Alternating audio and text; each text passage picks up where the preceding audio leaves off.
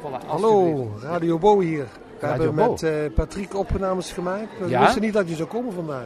Eh, ik wel, want dat stond gewoon in mijn agenda. Ja, Patrick wou dat ik erbij was op dag 1, dus ik ben vereerd. En vooral, ik dacht dus echt eerlijk, ik dacht dag 1, 3 juli, de mensen, de vakantie is net begonnen.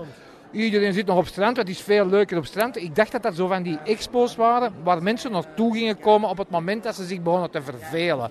Maar blijkbaar, ofwel vervelen mensen zich heel snel, ofwel zijn wij echt populair. Dat kan natuurlijk ook wel. Eh, en ja, ik begin dat ook te vermoeden. Kijk hoeveel volk hier in die rij staat. Dat vind ik wel. Het, eh, het streelt ook wel mijn ego. Ja, zeker. En daarom blijven we ook een uur praten hier met jou. Ja, dat is goed. Ja, maar ja, ik moet die mensen natuurlijk ook helpen. Kijk, ook krijg je zelfs een, eh, een tekening. Van wie is die? Van wie is die? Oh, jongens, zeg. Prachtig, hè? Dus mensen zijn creatief. En dan, oh ja, het is ook een, een expo die eh, hoe zeg je, geïnspireerd en gebaseerd is op de strips eigenlijk. Ik ga hier even Mark Vertongen zetten. Mark. Laat de Mark eh, gerust. Fijn dat de kampioenen nog zo leven. We komen elkaar zeker over 30 jaar een keer tegen. Ja, dat zou wel eens kunnen, ja. Salut, hè. Yo.